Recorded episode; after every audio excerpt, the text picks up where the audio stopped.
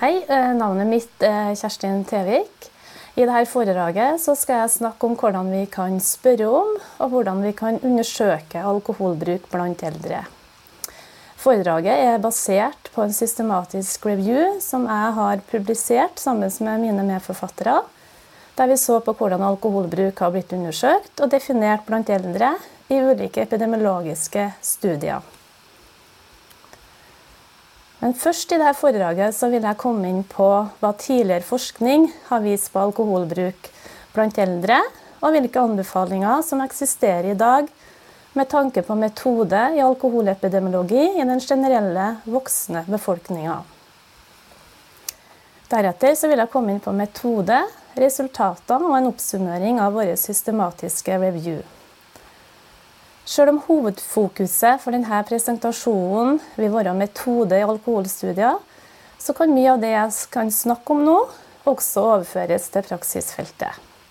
Jeg vil også helt til slutt bare kort nevne noen metoder som helsepersonell kan bruke for å snakke med eldre om alkohol i klinisk praksis. I presentasjonen der det vises til tall på referansene, så kan dere finne de referansene i litteraturlista i reviewen. Og på siste powerpoint-bildet ligger det også en lenke til denne artikkelen. Enkelte steder i presentasjonen blir referansene referert til bokstaver, og det er referanser som ikke er blitt brukt i reviewen, og de er ført opp i en litteraturliste på siste powerpoint-bilde. I løpet av de siste årene har det blitt et økt fokus på alkoholbruk blant eldre.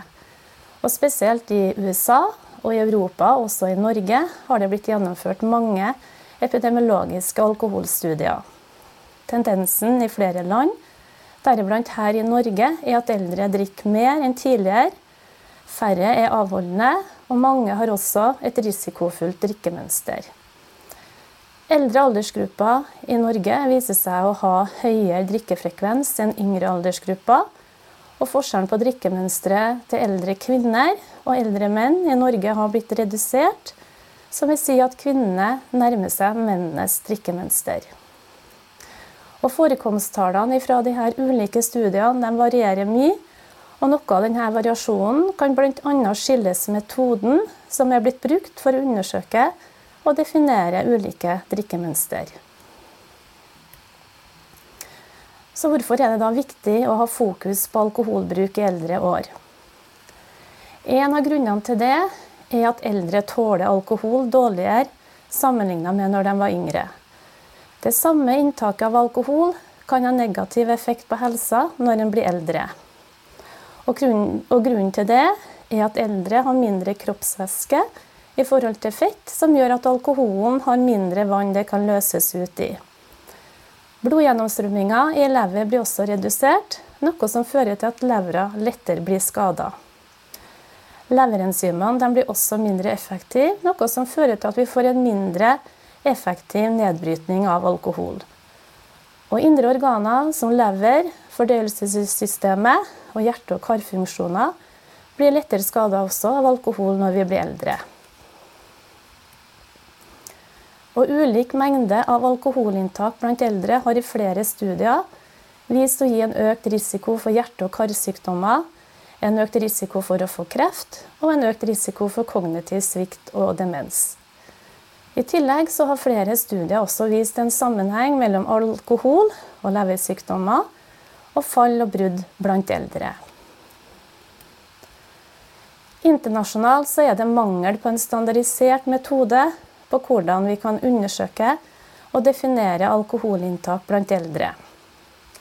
Mangel på standardisering gjør det vanskelig å sammenligne resultater mellom studier og mellom land. I tillegg er det ingen internasjonal standard på antall gram alkohol i en standard drink eller i en alkoholenhet. I USA benyttes begrepet standarddrink, som defineres med 14 gram alkohol, mens i Storbritannia så brukes begrepet alkoholenhet, som defineres med 8 gram alkohol. Dvs. Si at en alkoholenhet i Storbritannia er litt over en halv standard drink i USA. I Norge så defineres en alkoholenhet med 12 gram alkohol. Og I Norge så er én alkoholenhet ei flaske med øl på ca. 0,3 dl, et lite glass med vin på 1,25 dl, og et enda mindre glass sterkvin og et svært lite glass brennevin på 4 cl. Så et fullt stort glass med rødvin og en halvliter med øl blir nesten to alkoholenheter i Norge. I enkelte land så har det blitt utarbeida retningslinjer for alkoholbruk blant eldre. Vi i Norge har ingen egne retningslinjer, men i USA anbefaler de at menn og kvinner over 60 år som er friske og ikke tar medisiner, ikke bør drikke mer enn sju drinker i uka, og ikke mer enn to til tre drinker i løpet av en dag. Å drikke over disse grensene for friske, eldre voksne kan forårsake helseproblemer og kan bli definert som et risikofullt alkoholbruk. Men disse anbefalingene er imidlertid ikke blitt standardisert eller validert i epidemiologiske observasjonsstudier. Enkelte forskere har også anbefalt at en definisjon på risikofullt alkoholbruk blant eldre bør inkludere informasjon om både helsestatus og bruk av legemidler. Vurdering av bingedrikking er også relevant i alkoholundersøkelser blant eldre. NIAAA, som er USA sitt nasjonale institutt for alkoholmisbruk og alkoholisme, definerer for den generelle voksne befolkninga bingedrikking som å drikke fem eller flere drinker blant menn og fire eller flere drinker blant kvinner omtrent på to timer. Denne definisjonen er heller ikke utarbeida spesifikt for den eldre befolkninga. I løpet av de siste tiårene har det vært flere internasjonale ekspertgrupper som har jobba med å utarbeide en standardisert metode innenfor alkoholepidemiologi i den generelle voksne befolkninga. Og det disse ekspertgruppene anbefaler, er at deltakerne i alkoholstudier bør klassifiseres i én av tre kategorier. Enten som en person med livslang avholdenhet, som defineres som en person som aldri har drukket alkohol, eller som en person som er avholdende nå, men som drakk alkohol tidligere, som kan defineres som en person som ikke har drukket alkohol i løpet av de siste tolv månedene. Eller som en person som har et nåværende alkoholbruk, som kan defineres som en person som drikker alkohol én gang i året eller mer. Og Selv om disse definisjonene ikke er utarbeidet spesifikt for den eldre befolkninga, kan de være aktuelle å bruke på eldre. Det er også utarbeidet mange ulike spørreskjema til bruk i alkoholforskning. Et av de mest brukte er et mengde- og frekvensspørreskjema, forkorta til QF på engelsk. Og Dette spørreskjemaet inkluderer to spørsmål, der det blir stilt ett spørsmål om drikkefrekvens og ett spørsmål om hvor mange alkoholenheter du drikker vanligvis på en dag du drikker alkohol. Et annet mye brukt spørreskjema det er et gradert mengde- og frekvensspørreskjema, forkorta til GQF på engelsk, som inkluderer seks spørsmål. Der det blir spurt om både drikkefrekvens og inntak av ulike mengder med alkoholenheter i løpet av en dag.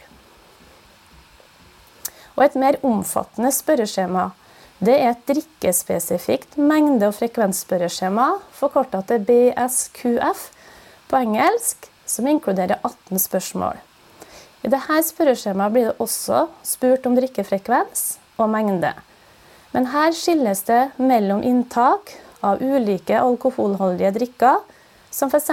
hvor mange enheter med øl, vin eller brennevin har du vanligvis drukket i løpet av en dag det siste året.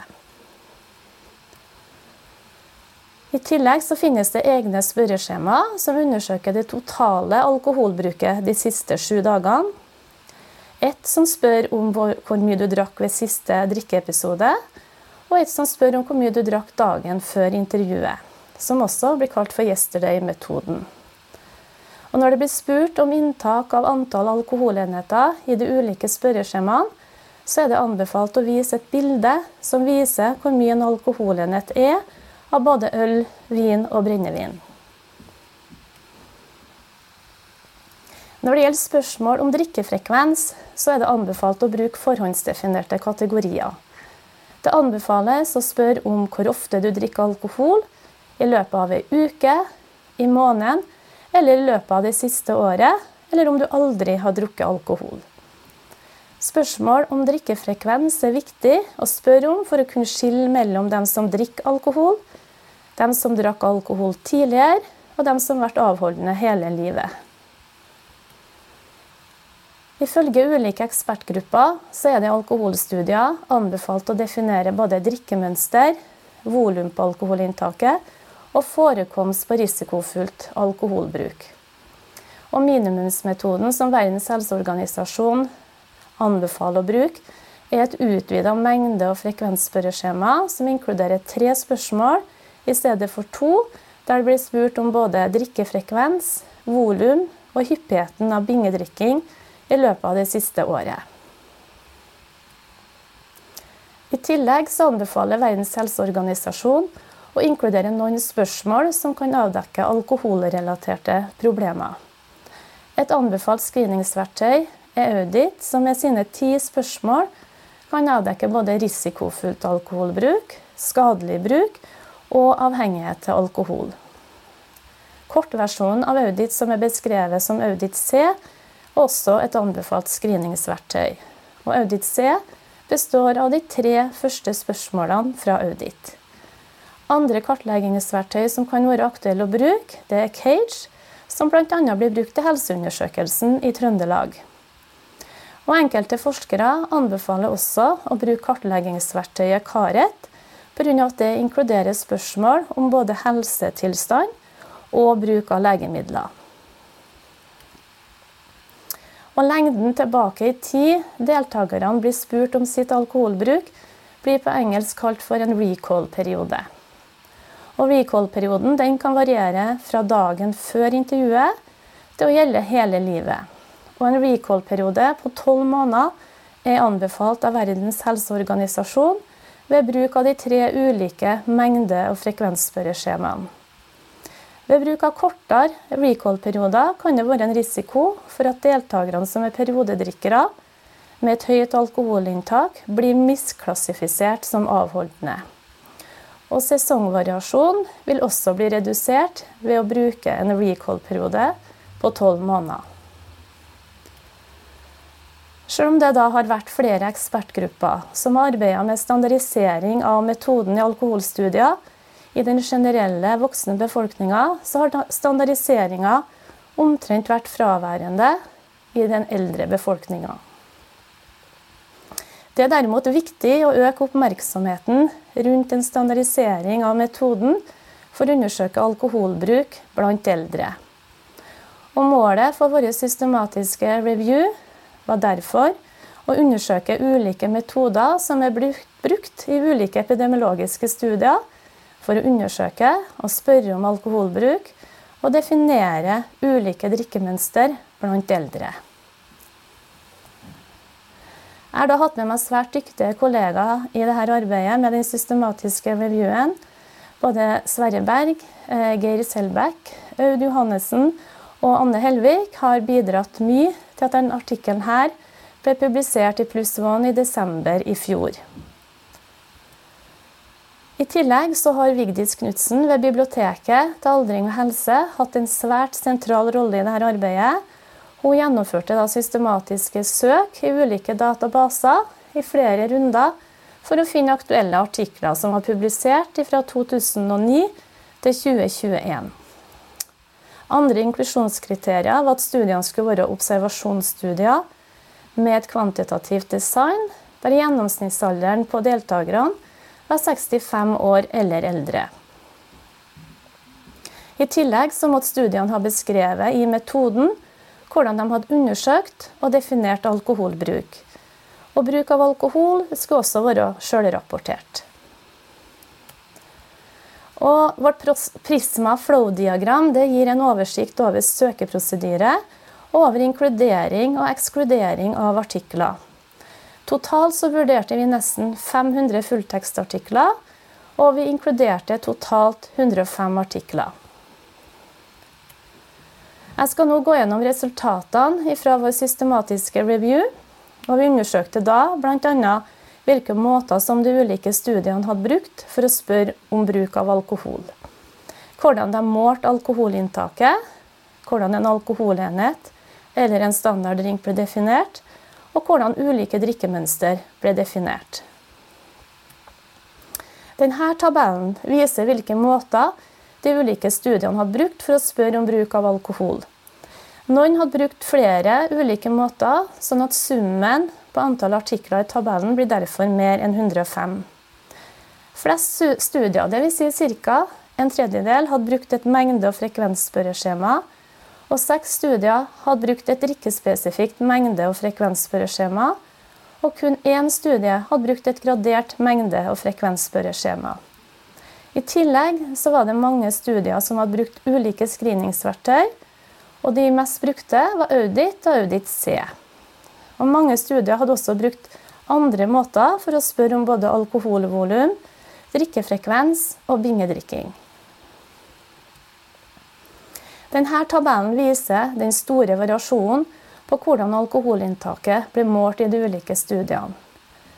Volumet av alkohol ble de fleste studiene presentert som standarddrinker eller alkoholenheter per dag, per uke, per drikkeepisode eller per måned. Mange presenterte også volumet på alkohol ved å vise til antall gram alkohol som ble konsumert per dag, per uke eller per drikkeepisode. En del studier har vist også til drikkefrekvens og score på screeningsverktøy eller diagnostiske kriterier. Mange av studiene definerte også innholdet av gram alkohol i en alkoholenhet eller i en drink. Og som dere ser ut fra den tabellen her, så varierte definisjonen på en alkoholenhet eller en drink i de ulike landene fra 8 gram alkohol til hele 50 gram alkohol. Og Pga. denne store variasjonen så vil det være vanskelig å sammenligne internasjonale studier som presenterer sine funn i form av alkoholenheter eller drinker. Så lenge vi ikke har en internasjonal, universell standard på en alkoholenhet, så anbefaler Verdens helseorganisasjon at volumet på alkoholinntaket bør presenteres i gram alkohol i stedet for i alkoholenheter. Vi undersøkte også ulike drikkemønster som ble definert i de ulike studiene. Totalt så avdekka vi hele 19 ulike drikkemønster, og hvert drikkemønster hadde svært forskjellige definisjoner. Dvs. Si at vi fant ingen konsensus eller enighet. F.eks. så hadde definisjonen på total avholdenhet fra alkohol sju forskjellige definisjoner. Og nåværende alkoholbruk hadde tolv forskjellige definisjoner, mens risikofullt alkoholbruk hadde hele 21 forskjellige definisjoner. Og den store variasjonen på definisjonene av ulike drikkemønster gjør det også vanskelig å sammenligne resultatene mellom studier. Ca. en fjerdedel av studiene definerte bingedrikking, og den mest brukte definisjonen var å drikke fem eller flere alkoholenheter ved én anledning for både kvinner og menn i løpet av de siste 30 dagene. Så til en oppsummering av vår systematiske review. Totalt inkluderte vi 105 studier, og vi avdekka hele 19 forskjellige drikkemønster. Og de ulike drikkemønstrene hadde stor variasjon på hvordan de ble definert. Av spørreskjema var det et mengde- og frekvensspørreskjema som ble mest brukt, og av screeningsverktøy var det Audit og Audit C som ble mest brukt.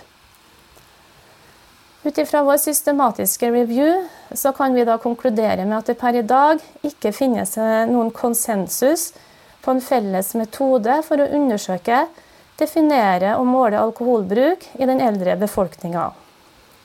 Men ut ifra de anbefalingene og definisjonene som er utarbeidet for den generelle voksne befolkninga, så anbefaler vi at studier på alkoholbruk blant eldre bør definere følgende drikkemønster.